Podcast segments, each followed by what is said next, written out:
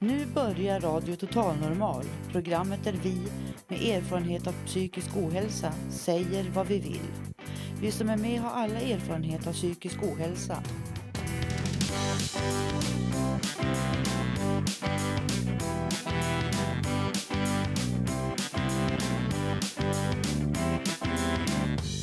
Du lyssnar på Radio Total Normal 101,1.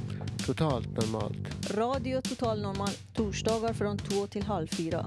Vi livesänder med publik från Götgatan 38 i Stockholm. Här är alla röster lika värda.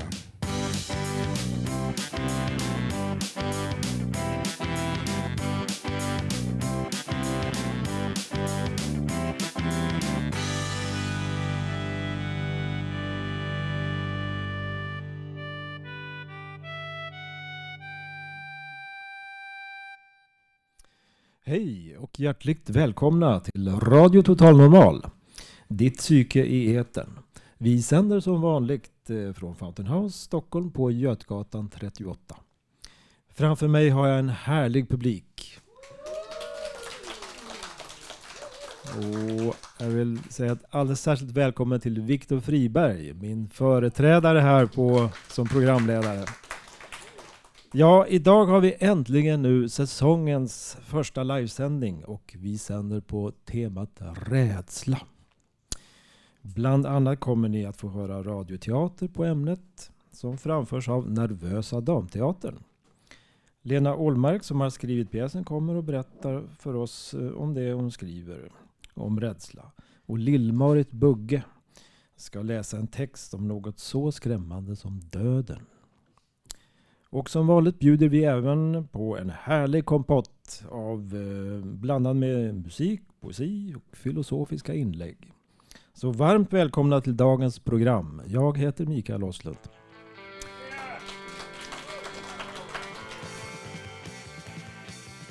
Vi, här hörde vi nu Blue Oyster Cult, Don't Fear the Reaper. Och får jag lov att presentera Nervösa Damteatern i regi av eh, Lill-Marit Bugge och manus Lena Olmark.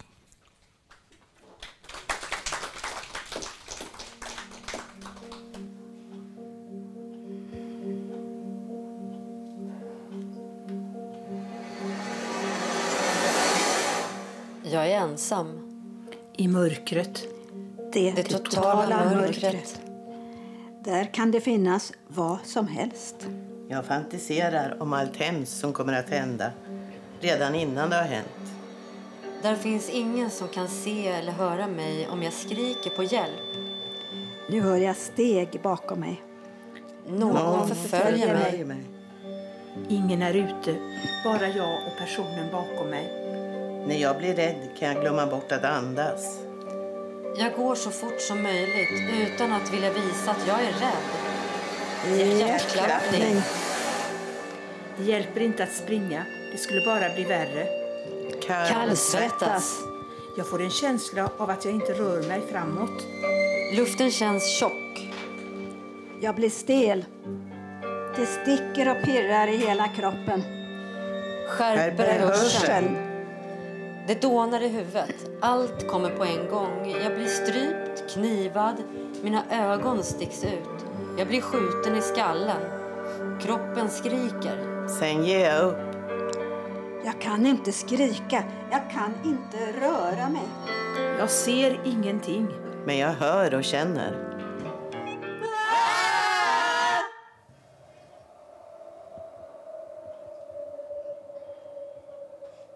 Jag är så rädd. För andras smärta. Andras sorg. Andras hopplöshet. Och att få ögat utpetat. Jag är rädd för kyla, att förfrysa, att tappa håret.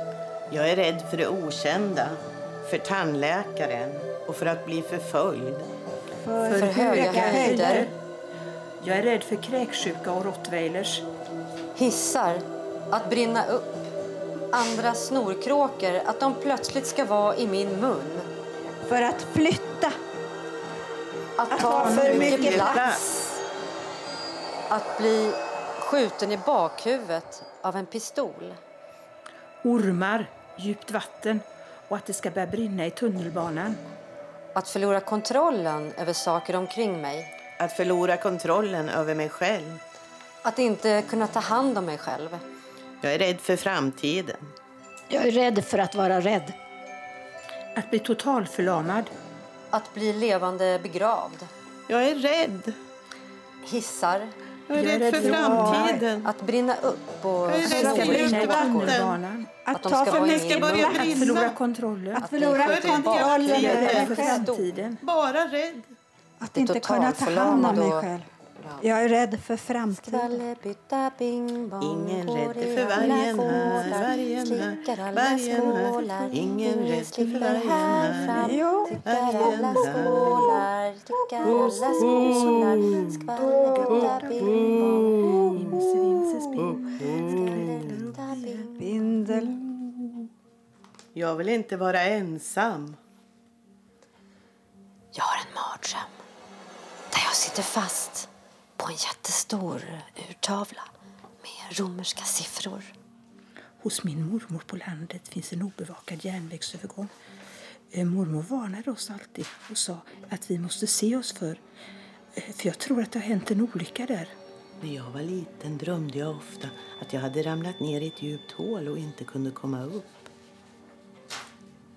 På natten brukade jag drömma att jag sprang på järnvägsrälsen och att tåget jagade mig. Jag sprang utan att röra mig ur fläcken. Jag var som fastfrusen. En massa människor tittade ner på mig och jag visste att de inte skulle, att de skulle knuffa ner mig igen om jag försökte klättra upp. Jag vaknade precis när tåget skulle köra över mig. Genomsvettig, med hjärtklappning, alldeles torr i munnen. Ibland hände det att jag kissade på mig. Jag har drömt att jag blir jagad av en noshörning. Men när han kom farligt nära, smet jag in i ett hus som plötsligt stod där. Det är något eh, fruktansvärt hemskt. Som varelser, fast inte. Det är, det är som så här klumpar och prickar överallt. Och det, det känns i hela kroppen. Och så är det så där kallt och, och det bara återkommer natt efter natt efter natt. Och det,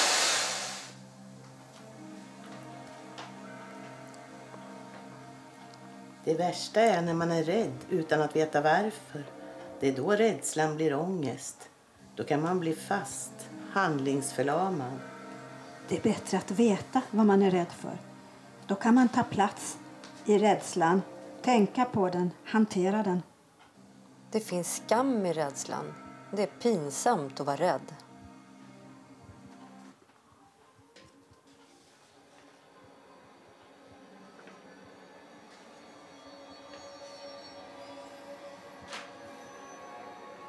Det är så obehagligt när barn råkar illa ut på film. När man vet att någon ska göra dem illa. I The Shining, när den lilla pojken kör sin lilla trampcykel Nej, genom nej, jag vill, jag vill inte höra. Jag blir så nervös. Jag blir så jättenervös. Jag vill inte höra Det är det. så hemskt. Sluta. När man bara väntar. Jag är alltid så rädd att huvudpersonen ska bli upptäckt och avslöjad. Att de ska komma på henne. Det är så läskigt när det är polisen som är förövaren. Den som har tillgång till all information, den som vet allt. Den, Den som som ska skydda. skydda.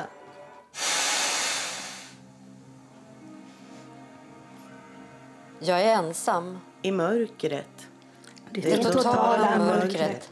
Ingen är ute, bara jag och personen efter mig. Jag blundar, Andas andas djupt. Tar upp nyckelknippan, håller den i handen som ett knogjärn. Tänker, jag knäar i skrevet, spottar i ansiktet. River i ögonen. Vet innerst inne att jag inte klarar av det. Han kommer ikapp mig. Jag ser att han är påverkad av något. Jag byter strategi. Jag blir kompis med förövaren. Jag Jag blir en av dem. Tillsammans så ska vi hitta nya och andra offer. Ensamma offer. I mörkret.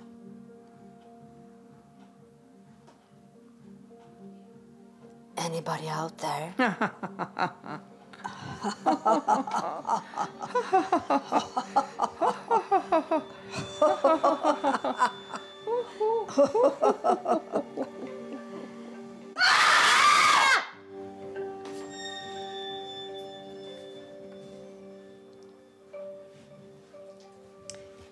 I rollerna Lillemor Stridling. Annika Jägbert. Kerstin Björkman. Och Katty Ortby. Ja. Där hörde vi Nervösa Damteatern. Det var ju en riktigt förskräcklig Ja, det pjäs ska- där. Och, Är den på den här? Ja, det var den. Ja. ja, här framför mig har jag Lena Ollmark som har skrivit den här Yes! fantastiska pjäsen. Hej, hej. Ja, kan du berätta lite mer om den här pjäsen som vi hörde nu? Jag, vet inte, jag, jag, jag är ju helt insnöad på rädslor och skräck. Det är vad jag jobbar med nästan hela tiden. Och framförallt så skriver jag för eh, eh, barn i mellanstadiet. De älskar skräck och spökhistorier och jag tycker det är jätteviktigt. Uh, brr, ja. Och den här pjäsen tycker jag är lite rolig för att den handlar ju om rädslor men den visar också på en, jag vet inte om ni tänkte på det på slutet, hur de hanterar sin rädsla på slutet. De väljer att själva bli förövare. Och det är någonting som är otroligt viktigt när människor försöker skrämma en. Allting försöker ju alltid skrämma en hela tiden i samhället. Så här, medierna försöker skrämma, företagen försöker skrämma och så vidare. Det är alltid någon som vill ha makt över en när de försöker skrämma en. Att, att skräck är makt. Så man vänder på det och skräms tillbaka. Då har man tagit makten. Så du har tagit makten nu? Jajamän. Över mig och, och alla andra. Rädda Ni går inte på det, jag vet. Ja, det var riktigt förfärligt att höra det här.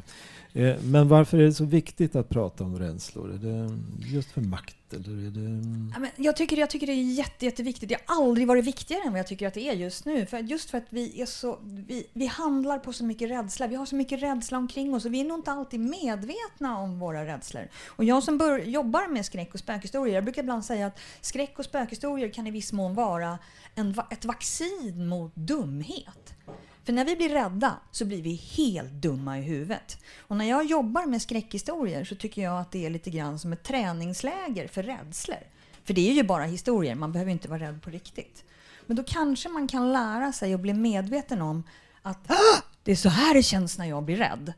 Ah, Okej, då vet jag att när det händer ute i samhället, i mitt liv, när jag möter andra människor, när, om jag känner den där ah! känslan så ska jag aldrig ta några beslut. För alla beslut man tar när man är rädd, de blir dumma. Så mitt tips är att när man känner att man håller på att bli rädd så ska man alltid ta ett steg tillbaka.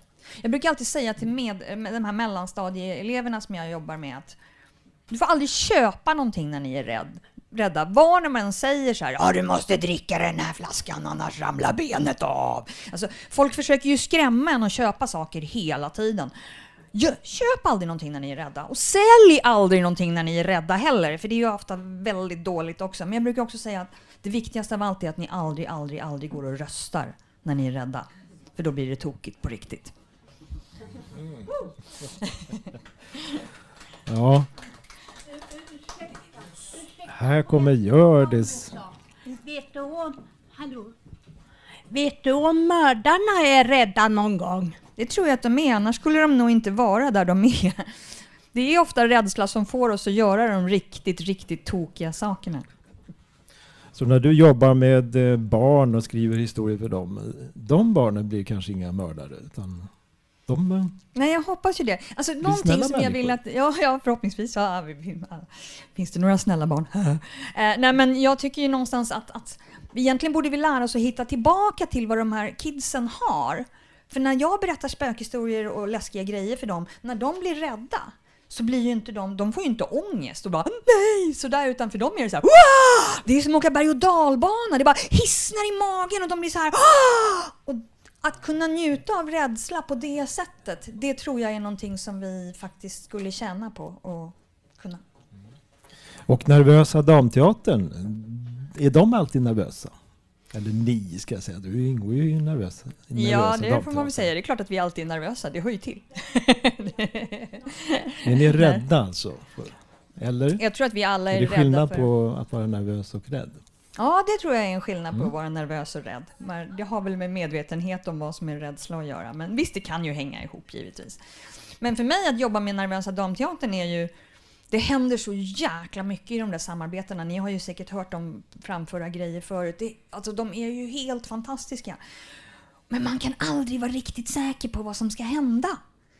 Och det är ju jätteläskigt som författare när man tror att man har koll på saker. Så det där att jobba med dem är för mig att vara utanför the comfort zone så att säga. Lena, det var jättekul att ha dig här. Är det någonting du vill tillägga innan vi avslutar den här lilla intervjun?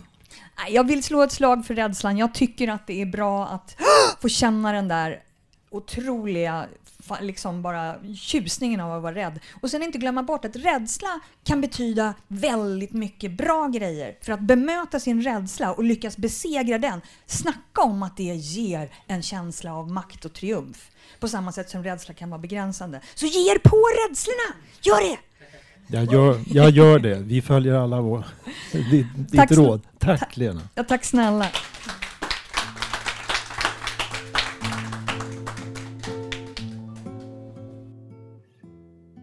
Min eh, sista önskan när jag dör, del 1.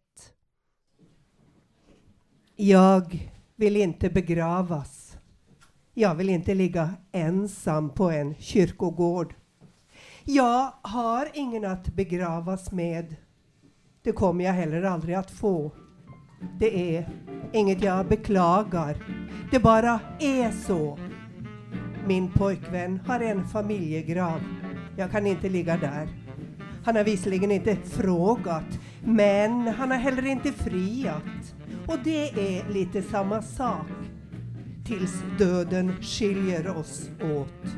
Eller tills döden förenar oss för evigt. Tills vår aska blandas i en enda glödande hög. Tills våra kroppar förenas i maskarnas magar och vi åter blir jord tills vi slutligen blir ett. En enda ett. Så jag utgår ifrån att när jag är död får jag klara mig själv. I min familj har vi ingen familjegrav. Farsan är på en minneslund. Hans fru grävde hennes barn ned hos sin gamla make, deras pappa. Min farföräldrars grav finns inte längre. Det ligger några nya där nu. Så det fick bli minneslunden för min far, så slapp han ligga själv. Nej, jag vill inte ligga ensam på en kyrkogård. När man är död borde man i alla fall ha någon hos sig. Sin hund kanske. Jag hade gärna begravts med min hund, men går livet sin gilla gång lär hon dö långt före mig. Man kanske kan boka gravplats med en kompis. En av mina många singelväninnor till exempel. En jag känner har sedan länge köpt både gravplats och begravning. Det gjorde hon innan hon var 40. Allt är klappat och klart. Det är bara att dö. Man kan ju naturligtvis ha en Facebookgrupp. Vem vill ligga med mig när jag är död? Om man nu vill att det ska bli officiellt att man kommer att ligga själv när man är död. Jag vill gärna begravas med Anna-Lena. Jag har frågat, men hon är fortfarande så nykär. Hon vill vara för evigt med Sigge. Hon hade ingen lust att prata om det. Och det känns inte som ett tema man tjatar om. Fast tänker de ligga själva med hennes barn eller hans barn eller ska hans barn ligga med sina olika mödrar? Anna-Lena borde väl egentligen ligga i sin familjegrav. Eller ska hon svika dem nu bara för att hon är ihop med Sigge? Nej, det kanske inte är så kul när man har använt halva livet till att frigöra sig ifrån sina föräldrar, att man ska gravläggas med dem. Nej, då ligger man nog hellre själv eller blir aska och strös för vinden. Jag skulle i och för sig gärna ligga i Anna-Lenas familjegrav. Men då borde ju hon också ligga där, fast med Sigge där också kan det ju bli lite trångt. Det kanske blir lite dumt att det är en bugge som ligger i bergelinarnas grav. Fast Anna-Lenas farsa skulle uppskatta det. Han har alltid sett på mig som sin adoptivdotter. Det kan ju, de kan ju skriva mitt namn på baksidan av deras gravsten. Så som Alice B. Tokles lät göra med sitt på Gertrud Steins grav. Man måste förstås fråga dem innan. Kanske skriva ett papper så att inte begravningsbyrån börjar undra. Man kan ju inte gräva ner folk i vilka gravar som helst bara för att de inte vill ligga själva. Tänk hur fullt det då skulle bli i vissa gravar. Nej, jag vill inte begravas. Men Viktor kanske vill ha en grav att gå till. Men då, det måste ju kännas lite tråkigt för honom att jag ligger där själv. Så poppis var min morsa typ. Han vill väl ändå inte ligga där ensam med sin morsa i en grav. Han vill ju inte ens gå på bio med mig. Då vill nog han hellre begravas med sin farsa. Eller med sina kusiner i Norge. Men ifall han själv så småningom får en stor familj och ska begravas som en pater familia med sina nära runt sig, ska jag då ligga själv på någon avsidesliggande kyrkogård eller ska man, ska man gräva upp mig för att sen gräva ner mig hos dem? Skulle jag bli glad då? Äntligen fick jag min stora familj. Nej, jag tror inte det. Jag är ju ändå död.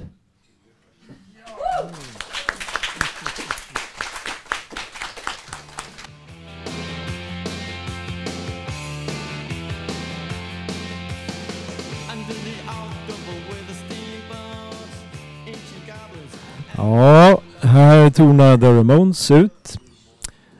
Innan dess så hörde vi eh, den fantastiska dikten av Lill-Marit Bugge. Jag tror hon var lite nervös där. Nu har vi en tjusig kvinna här som står upp på scenen med glittrande kläder och hon ska sjunga. Det är Sarri. Ja, det är jag. Jag ska sjunga en låt Please don't make me cry med UB40. Ska sjunga. La, la, la, la. Ah. Say you're going to leave me, I'm begging you to stay.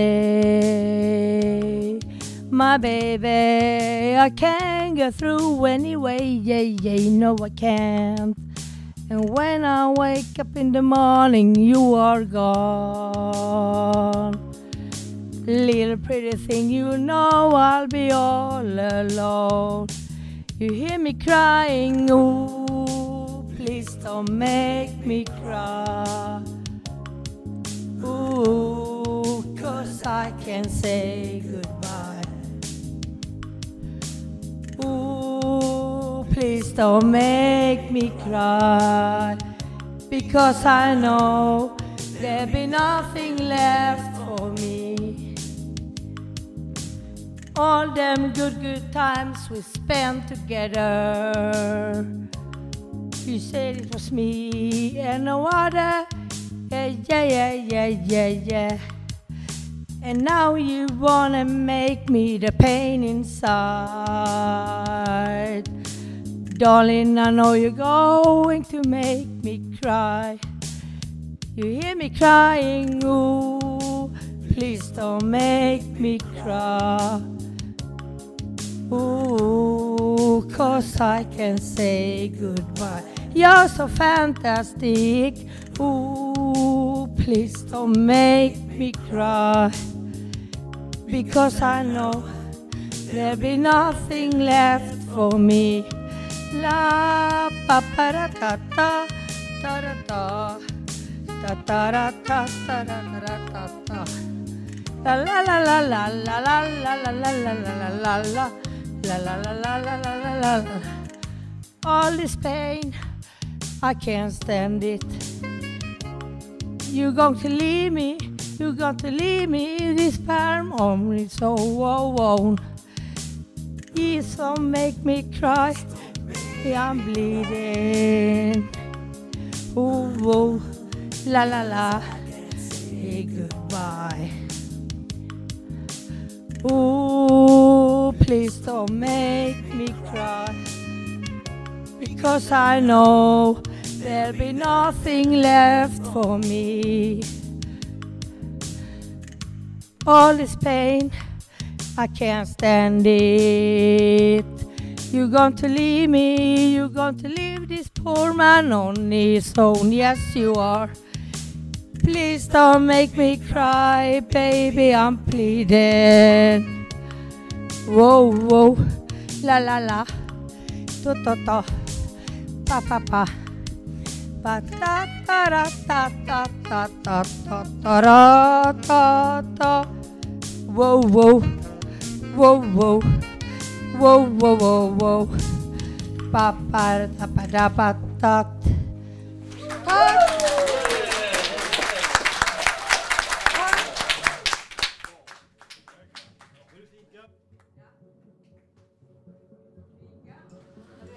Ja, välkomna ska ni vara tillbaka efter en liten paus. Vi har fikat och haft det riktigt mysigt här medan ni har hört på musik. Nu ska Ann-Sofie eh, komma och eh, läsa upp någonting, en recension från en bok som hon har läst. En som, bok som handlar om Guds kärlek, rättvisa, himmel och helvete som är skriven av Stefan Svärd. Efter detta, en bok om Guds kärlek, rättvisa, himmel och helvete. Skriven av Stefan Svärd. Boken känns trevlig att, att läsa. Det är en intressant bok som handlar mycket om ett liv efter döden. Eller vad som händer när vi dör. Evigheten och helvetet finns. De som funderar på sådant kan få svar på sina frågor. Utgångspunkten är Bibeln. Där står Guds ord till oss människor. Vi får en glimt av framtiden och evigheten när vi studerar Bibeln. Boken syftar till att bryta tystnaden om helvetet och lyfta fram kärnan i Jesus undervisning om att gå förlorad eller att få ett evigt liv. I en undersökning framkom det att 30 procent av svenskarna är ateister. Gemensamt för världsreligionerna är övertygelsen om att hur vi lever här och nu påverkar vår tillvaro efter döden. Himmel och helvetet, tanken på domens dag och ett evigt straff kan kännas svårsmält för många människor. Läran om domen kan vara obekväm för många kristna. Uppfattar man att Gud älskar en med svagheter och brister känns det mer bekvämt. Bibeln beskriver helvetet med två bilder. Som smärtsam eld och mörker.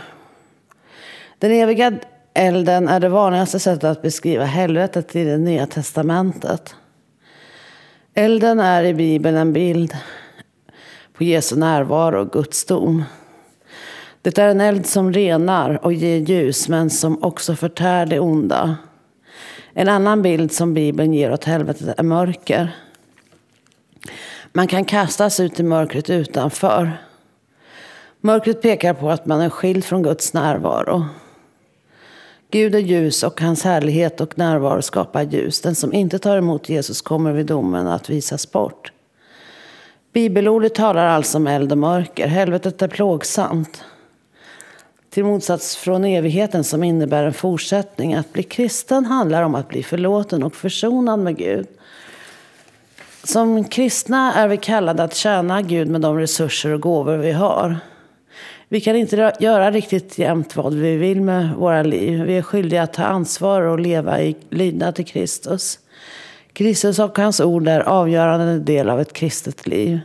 En dag skall alla uppstå från de döda, den slutliga uppståndelsen. En sammanfattning av alla beskrivningar av helvetet som nämns i texten ovan är frånvaron från Gud. Helvetet innebär definitivt att leva utan Guds närvaro och aktiva omsorg och skörda konsekvenserna av sin egen ondska, onda handlingar och motiv. Här finns inte ljus och glädje utan mörker och plågar. Här finns glädjen och kärleken. Det är plågsamt i helvetet. Författaren betonar att det inte står i Bibeln att Gud plågar någon. Himmel och helvete handlar om att Gud i slutändan bekräftar våra val. Det finns människor som också väljer att inte tro eller omvända sig. Gud når inte människor med tvång. Människans fria vilja är en del av Guds skapelse. Kärlek förutsätter frivillighet. Att leva i evig gemenskap. Men Gud förutsätter att vi vill det. Vi har valt det. Det är frivilligt att älska Gud. För många kan det vara skrämmande att gå och fundera på dessa frågeställningar. Jag kan rekommendera att ni läser boken och får en trevlig underhållande stund. Ja, tack eh, Ann-Sofie för de här orden. Nu har ehm, det kommit upp en kär gäst här på scenen. Hon sitter med sin gitarr. Elisabeth Samuelsson heter hon. Och hon ska sjunga en vacker låt som heter Håll mitt hjärta. Skriven av Björn Skifs. Varsågod. Ja, tack. Musiken har Peter Hallström skrivit och Lasse Andersson.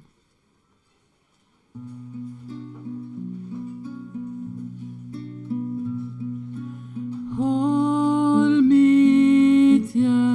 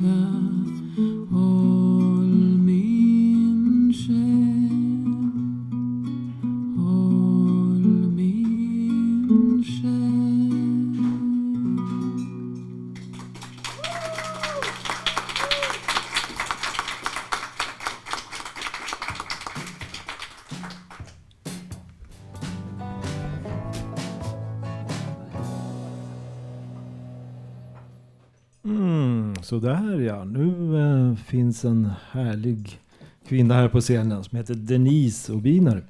Och hon ska läsa några dikter som hon har skrivit själv. Varsågod. Ja, tack så mycket.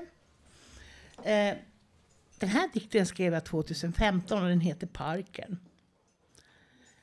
En morgon i parken, det är vått ännu på marken. Solen återstiger medan tiden lider. Måsarna skriar, daggdropparna till marken friar. Till dagen friar.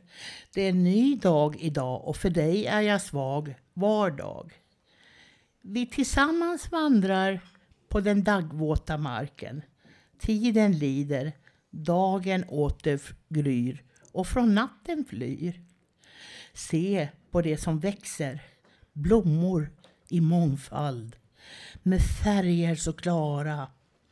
Minnet av det vill man alltid spara. Och se och hör på alla fåglar bara. När de kvittrar och sjunger om glädje och kärlek av sin egen serenad. Eh, Den här heter Hösten och den skrev jag 2016. Jag ser tre löv falla ner. Nu är hösten kommen igen, som en kär gammal vän. Om igen. Löven på träden sprakar av en färgexplosion. Ögonen färgerna fångar in och det blir jag en aning vemodig. Vemoden färgar mitt inre med behag så jag blir svag. Det är så mäktigt att det vackra se, kan ej undgå att le. Önskar att den rätte mig trygghet kunde ge.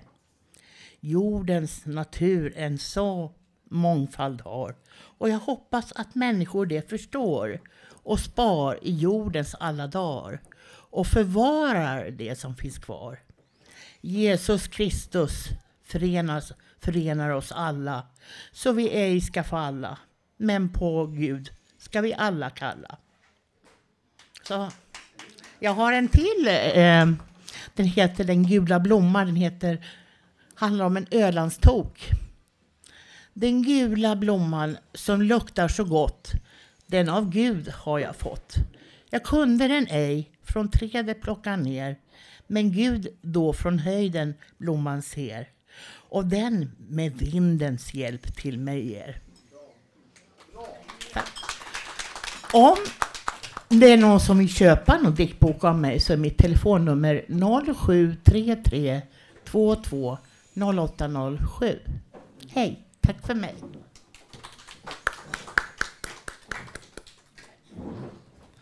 Ah, det var ju härligt. Tack så mycket Denise. Vad kul att du kom hit. Och nu får vi en till liten dikt av Björn Gustafsson. Varsågod och kom fram.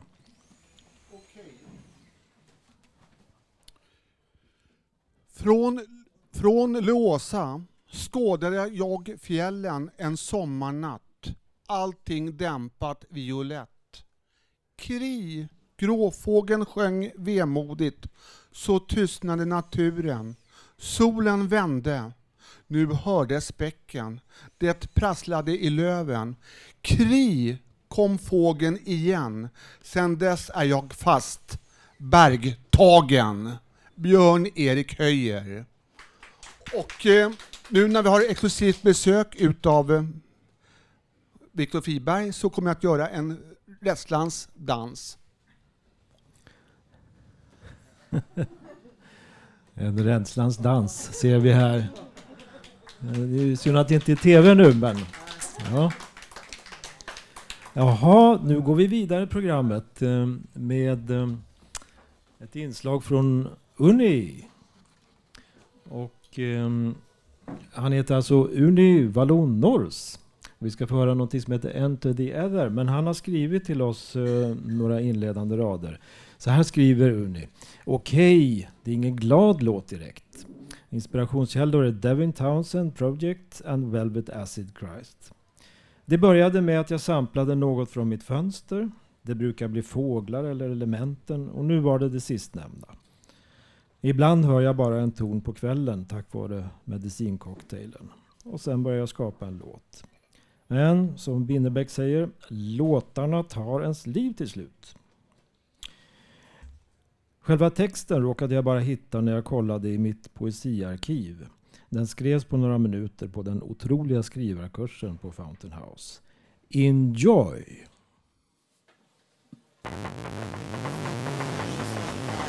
You're just like my dog. I see through your bunny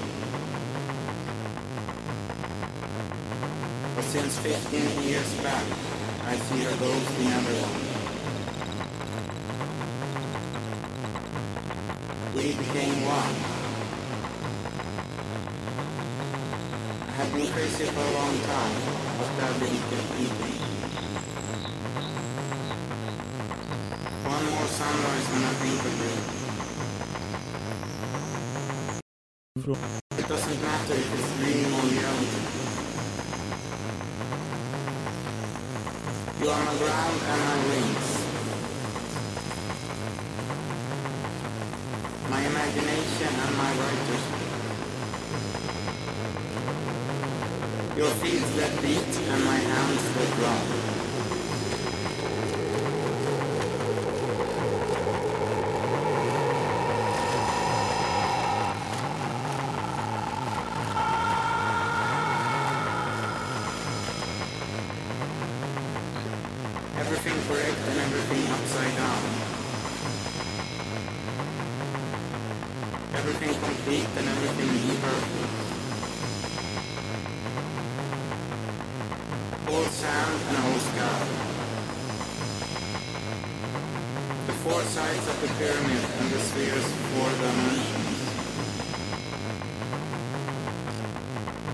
I as then, I. I look forward, I look backward, I look left, I look right. I see the inside and the outside. Then it begins and then it ends.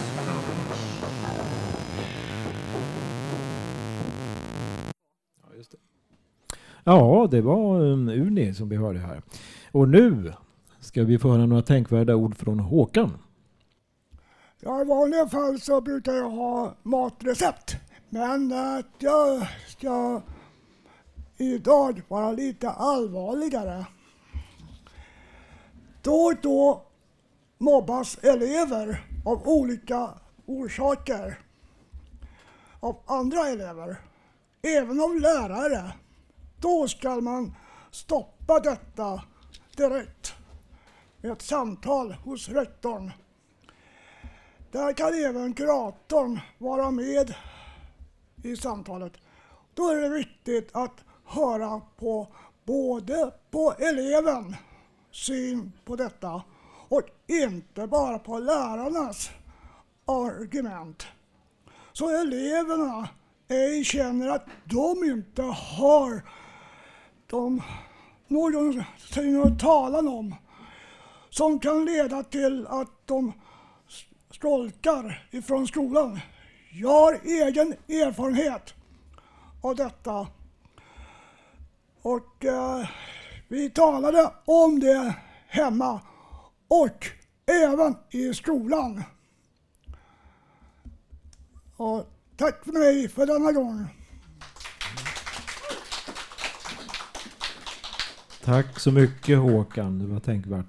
Ja, här vid pianot eh, bredvid mig så har nu Hasse Kvinto slagit sig ner. Du har skrivit någonting eget här. Ska du berätta lite vad det är? Ja, det är en låt, en eh, enkel suggestiv ballad som heter A Future in Berlin som jag skrev efter murens fall. Och jag har haft den i byrålådan den här sången så det är världspremiär idag.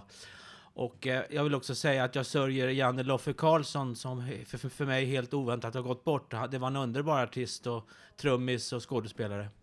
Men nu ska jag sjunga Freedom in the New Berlin.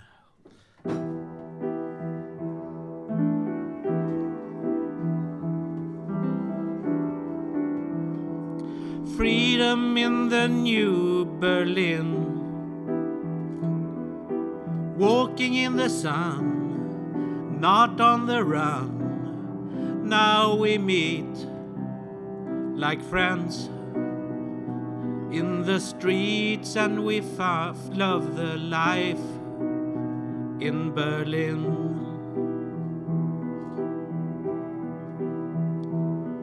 The wall is gone and we're here.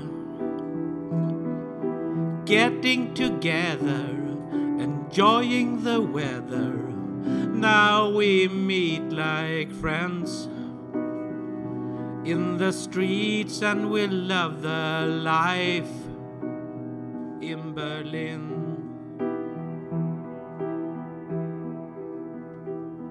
Berlin where west become east and east go with west. It's the best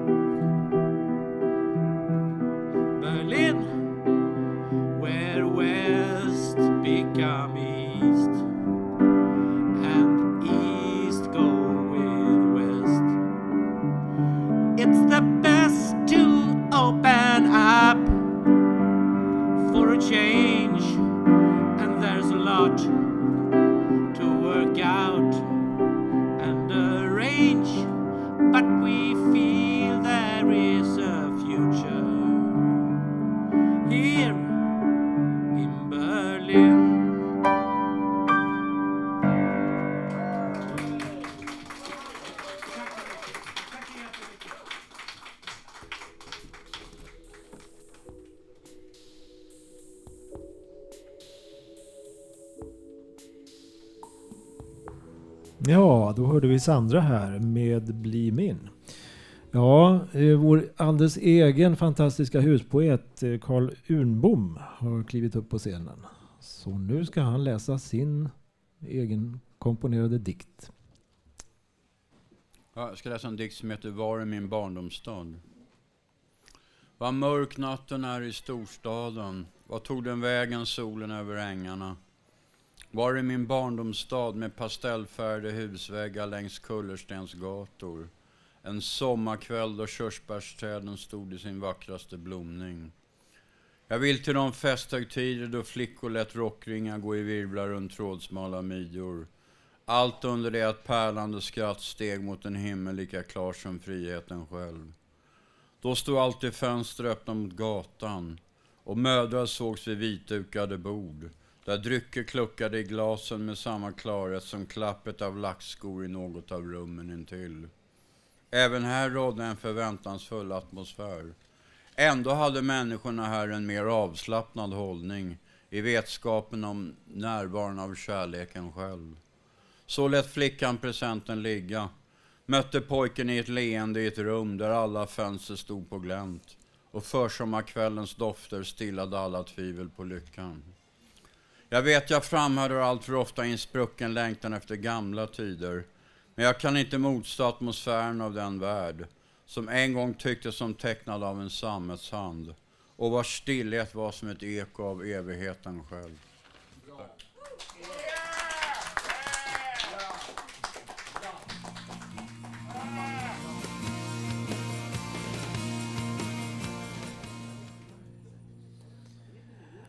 Eh, jaha, då hörde vi Sanna Karlstedt som sjöng om 30-årskris.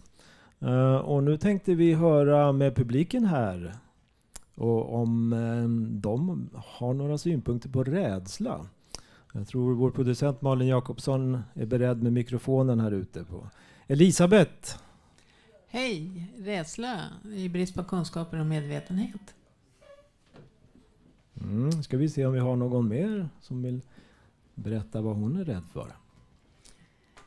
Eh, jag, jag är inte så rädd av mig, men när jag eh, ser mig omkring och tänker på rädsla i samhället så, så tycker jag att den största rädslan är rädsla för den andra, rädsla för främlingskap, andra människor som inte är exakt likadan som en själv. Så. Ja, Malin går vidare med mikrofonen. Då kommer vi till Ja, Janne. det är Janne. Jag, är mest rädd för det som händer ute i världen som inte vi kan rå på. Alltså Nordkorea och så vidare. Och sen, jag har drömt mardrömmar om det tredje världskriget och sådär. Men jag tror inte det blir något sånt. Utan vi får ta vårt förnuft till fånga och lösa våra problem. Alltså ta bort fattigdom och eh, sjukdomar och elände och krig och allting på jorden så kan vi få en bra värld. Alla kan ha det lika bra. Tack. Ja, ja. Usch, ja, det är otäckt det här. Jag vill skicka en hälsning till min syster Ami i Tumba. Och rädsla har jag nu för mitt liv är på topp för övrigt allting. Men jag är rädd att hon har sagt upp kontakten med mig. Ja, det är förfärligt. Nu är det så att vi har en ny tekniker här idag. Han är väl jätterädd skulle jag tro. Johan? Hejsan hejsan. Ja, jo det har varit en pers men eh, nästa, nästa gång blir det bättre men nu har jag varit rädd alltid. Det är kämpigt att göra nya grejer i början. Alla hade gått början. Ja, ja, ja. Ja, man är ju mest rädd för sig själv. Jag tror ju att alla krig och sånt här, det är en illusion. Va? Men, men eh, rädsla kan också vara utvecklande också. Och eh, att krig och fattigdom försvinner, det tror jag mer, det är ju en drömvärld. Men jag tror att eh, man kan, man har väldigt höga nivåer inom sig själv och man kan alltid bli en högre människa. Det tror jag på. Ja, här har vi någon mer som viftar och vill berätta lite om rädsla. Ja, trots att jag är uppvuxen i en, ett tryggt hem så har jag sökt trygghet i, i vädret och särskilt temperaturer. Och som vuxen har jag liksom känt rädsla. Det får inte gå, gå under en viss temperatur, en, en viss årstid och sådär. Jag har till och med stängt in inne mig och sådär. Man bör tycka om allt väder tycker jag. Men, men det har varit så som en rädsla. Tänk om det går under den här temperaturen nu. Jag kan säga att jag har mycket rädsla för den här hemska utvecklingen av skjutningar och allt negativa som sker. Det har jag rädsla för. Mm. Ja, jag har väl rädsla för att drunkna. ja. Ja, um, där har vi hört några röster. Nu kan ju någon undra, jag då som programledare som alla tycker är lugn som en filbunkare, är jag rädd för någonting? Ja, jag kanske, jag har tränat lite på att vara programledare så det går bra. Men under många år har jag varit rädd för att träffa andra människor. Jag har stängt inne mig i flera år i min lägenhet. Försökt undvika alla grannar. Bara rört mig ute på, på natten och promenerat. Och jag, har inte, jag har inte vågat träffa andra. Jag har levt bakom förstängda persienner. Jag har inte ens vågat tända en lampa i min lägenhet. Jag har fått laga mat i, när det varit mörkt. Det har gått det också. Men, eh, så där har jag hållit på många år. Och eh, nu är jag här på Fountain House igen. Det känns skönt. Här är ju massor med människor. Vi har alla här våra psykiska problem. Det är därför Fountain House finns till. Och det är skönt att vara här. Jag får träffa människor. Jag har äntligen efter att många år har varit instängd och inte träffat en enda människa. Mm. Ja, så kan det vara också för en programledare här på Radio Total Normal. Men nu har vi kommit till slutet av vår sändning. Eh, så det här var allt vi hade att bjuda på idag. Nästan, vi har en låt kvar. Eh, men nästa livesändning blir den 14 september. Och eh, till dess kan du höra oss på www.radiototalnormal.se eller på Soundcloud och iTunes. Du kan också hitta oss på Facebook, Twitter och Instagram. Radio Total Normal drivs av föreningen Fanzingo med stöd från Socialstyrelsen och Fountain House Stockholm. Tekniker var Johan Hörnqvist och Gabriel Wikhede. Eh, producent Malin Jakobsson och Kristina Skippa. Redigerare Benny Rodin. Musikläggning Uni Wallon Norrs. Och ansvarig utgivare Bodil Lundmark. Och jag som var dagens programledare heter Mikael Oslund. Och som avslutning ska ni få höra en låt som vår radiomedlem Gabriel Andersson har skrivit själv och spelat in. Jag hoppas du har det bra Gabriel, att du snart kommer och hälsa på oss. Tack för att ni har lyssnat.